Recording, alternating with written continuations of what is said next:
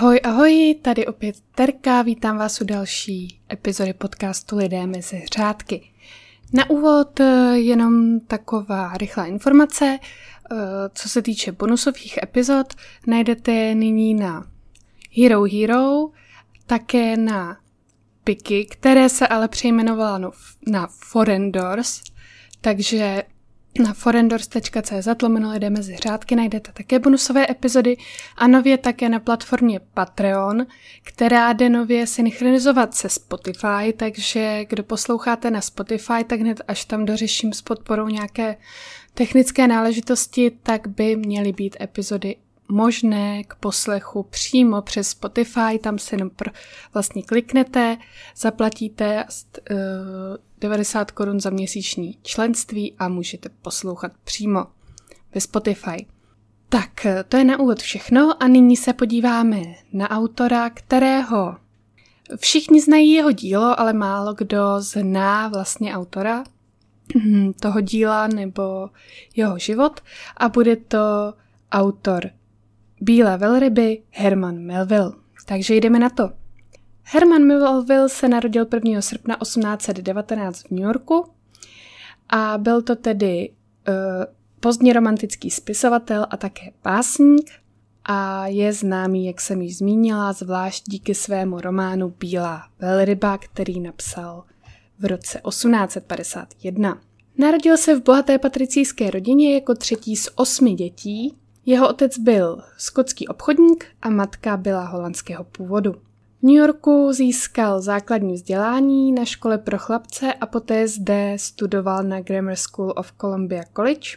Jeho otec tedy vlastnil firmu na dovoz francouzského drogistického zboží, ale bohužel se mu úplně nedařilo a v roce 1830 ta firma zkrachovala a rodina už tedy neměla na to na takový ten svůj standard, na ten luxus eh, bydlení v New Yorku, takže se odstěhovali do Albany, kde otec začal podnikat jako obchodník s kožešinami. A Herman tady pokračoval potom ve studiu na místní akademii. Když jeho otec zemřel v roce 1831, tak se rodina dostala do ještě větších finančních problémů a tak Herman přerušil studia a pomáhal svému staršímu bratrovi, který převzal otcův podnik a tím vlastně chlapci převzali takovou tu odpovědnost za celou rodinu. Na akademii v Albany se vrátil potom v roce 1835 a tady studoval antickou literaturu a také filozofii. V roce 1837 uh, eh, firma opět uh, musela vyhlásit bankrot a tak uh, se Melvilleův bratr a i celá rodina musela přestěhovat do Lansingburgu, kde Melville studoval zeměměřičství, aby mohl pracovat na stavbě Erijského kanálu. Protože samozřejmě antická literatura a filozofie vám úplně nevydělá velké peníze, takže se rozhodl eh, za, zaměřit se na něco trošku praktičtějšího. Jeho záměr ale nakonec nevyšel a tak se nechal Melville v roce 1839 najmout na obchodní loď jako plavčík a odplul do Liverpoolu. Po návratu krátce pracoval jako učitel a stále se snažil najít nějaké stále zaměstnání, aby tu rodinu více podpořil, ale moc se mu tedy nedařilo.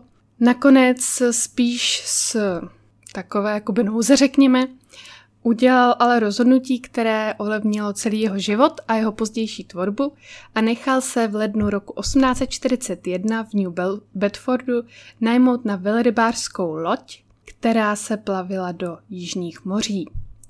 Na lodi celkem sloužil 18 měsíců, ale když eh, se ocitl na Markézách, tak zběhl, protože se mu nelíbilo vůbec, jak eh, se vlastně eh, chovala posádka té lodi a k domorodcům a celkově, takže zběhl a usadil se na ostrově Nikuhiva.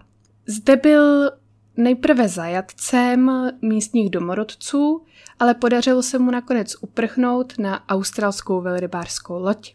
S tou se dostal na Tahiti a potom další lodí na Havajské ostrovy. Tam se přihlásil do služby do americké válečné, eh, k americké válečné fregatě, která plula do Bostonu a s tou se nakonec v roce 1844 vrátil zpátky do vlasti. Námořnická kariéra byla pro Melvilla tedy inspirací pro jeho literární díla. Jeho první čtenářsky atraktivní román se jmenoval uh, eh, TP a Omo a čerpali tyto romány z jeho autentických prožitků v mořích a byly velmi při- dobře přijímány, protože tam vykresloval vlastně boj s těmi živly a samozřejmě i tu exotickou krajinu, kterou, kterou vlastně poznal a to samozřejmě lidé moc neznali v té době, takže z toho byli naprosto unešení.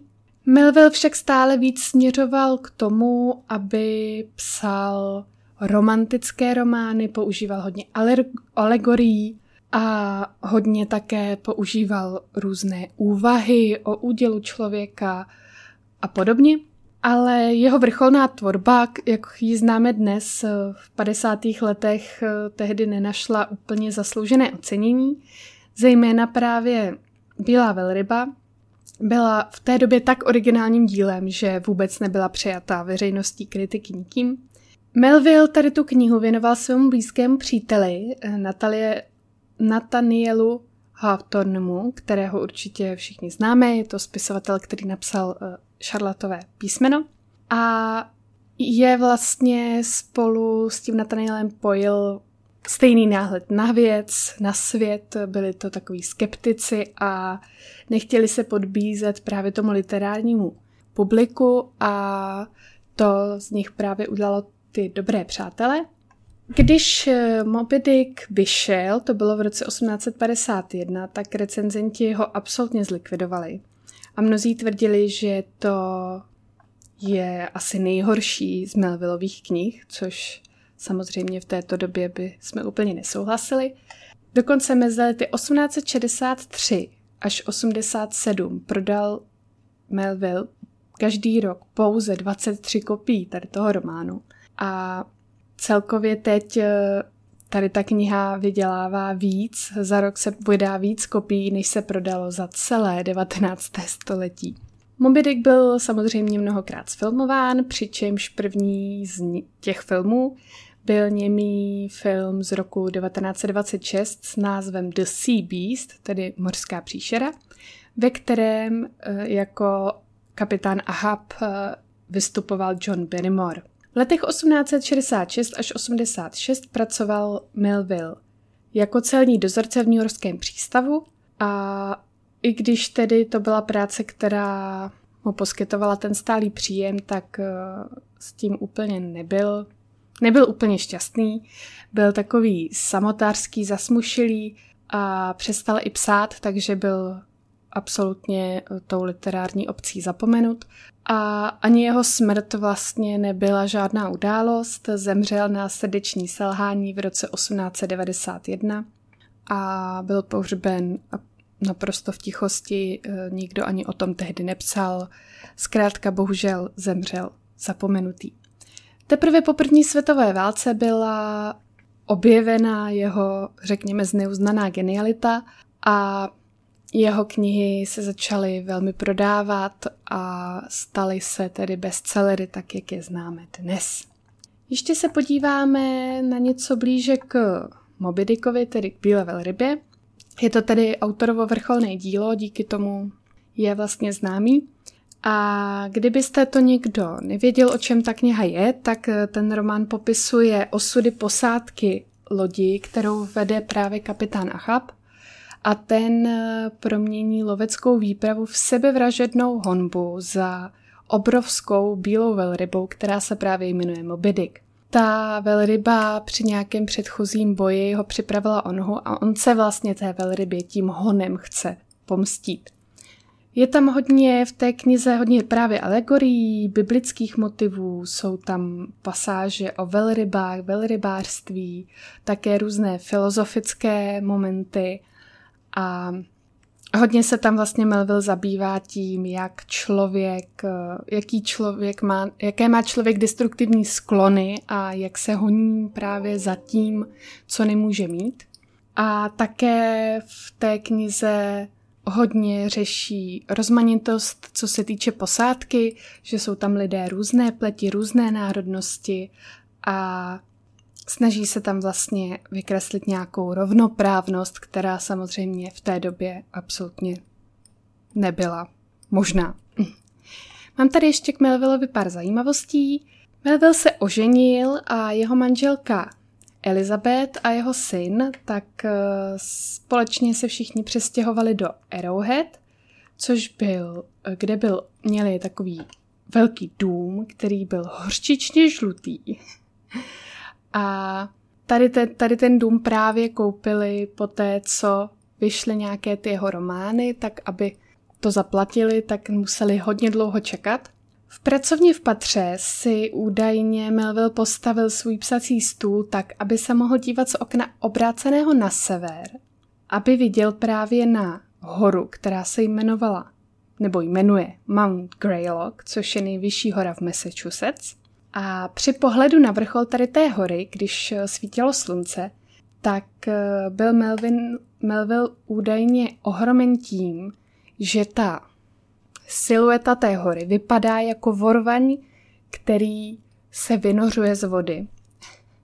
A tak si právě ten stůl dal tak, aby stále viděl tady na tu horu, která mu velrybu připomínala a právě tady dokončil svůj rukopis, první rukopis Moby Dicka.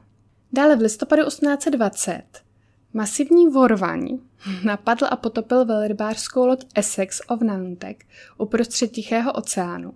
Posádka nakonec uvízla ve třech malých člunech, kde neměli moc jídla, neměli vodu a místo toho, aby se dostali právě na Markéské ostrovy, kde právě zrovna pobýval Melville, tak eh, je voda unášela do 4000 mil vzdálené Jižní Ameriky. Je ironií, že někteří trosečníci Eh, kteří se báli právě vydat se k těm Markéským ostrovům, vzhledem k tomu, že tam žili lidojedi, tak nakonec, kvůli tomu, že neměli jídlo, tak byli nuceni pojídat své mrtvé spolucestující, aby vůbec přežili. A Melville údajně později informace o tady té katastrofě využil právě k dopsání Mobidika, ve kterém je právě loď zničená bílou velrybou. Melville potom eh, vlastně město, odkud tady ta původní velrybářská výprava vyrážela, navštívil poprvé až po vydání právě Mobidika a osobně vyspovídal i kapitána tady té lodi, který teda přežil tu hroznou pohromu. A později o něm Melville napsal, že pro ostrovany byl nikým. Pro mě byl nejpůsobivějším mužem, naprosto nenáročným, dokonce skromným, jakého jsem kdy potkal. Takže mi to přijde takové hezké, že když už si z nich vzal inspiraci, tak je potom navštívil a vlastně nějakým způsobem vyjádřil podporu tady těm mužům, pro které to muselo být teda hrozné peklo. Další zajímavostí je, že stoleté výročí Melvillova narození obnovilo právě zájem o jeho romány a básně a většina z nich už byla v té době absolutně vyprodaná. Raymond Weaver, což byl profesor literatury na Kolumbijské univerzitě, který pracoval na první velké Melvillově biografii, spolupracoval s Melvillovou vnučkou, která byla literární exekutorkou a tam mu právě umožnila přístup k originálům prací svého dědečka. A v roce 1919, když Weaver probíral dopisy a poznámky, tak objevil dokonce v plechové krabičce nedokončený rukopis jedné z Melvillových knih. Byla to, začal to psát vlastně jako povídku a bylo to o námořníkovi, který se právě jaké pro, pro, se také procházel nějakou, řekněme, existenciální krizí. Knihu tedy nedokončil, ale právě ten Weaver eh, ten příběh upravil a publikoval v roce 1924. I když tedy zpočátku bylo tady to dílo považováno za nevýznamné oproti Mobidikovi a dalším románům, tak nakonec se učenci shodli, že je to nejspíš jeho nejlepší dílo. Berkshire Atheneum v Pittsfieldu, které je jenom několik minut jízdy od Arrowhead, což bylo to místo, kde Melville se svou ženou žil v tom horčičně žlutém domě, má dokonce největší sbírku věcí Melvilla na světě. Spolu s prvními vydávání, eh, vydáními Melvillových děl a plnou knihovnou knih o něm existují tady v tom muzeu i neocenitelné předměty, které vlastnil nebo které s ním byly nějakým způsobem spojené. Je tady třeba nejstarší známý portrét Melvilla, který byl kdy nemalován, vyřezávaná dřevěná kanoistická pádla, která nazbíral v Polynézii, vycházková hůl, jeho oblíbený kalamář, br- brky a další stolní potřeby.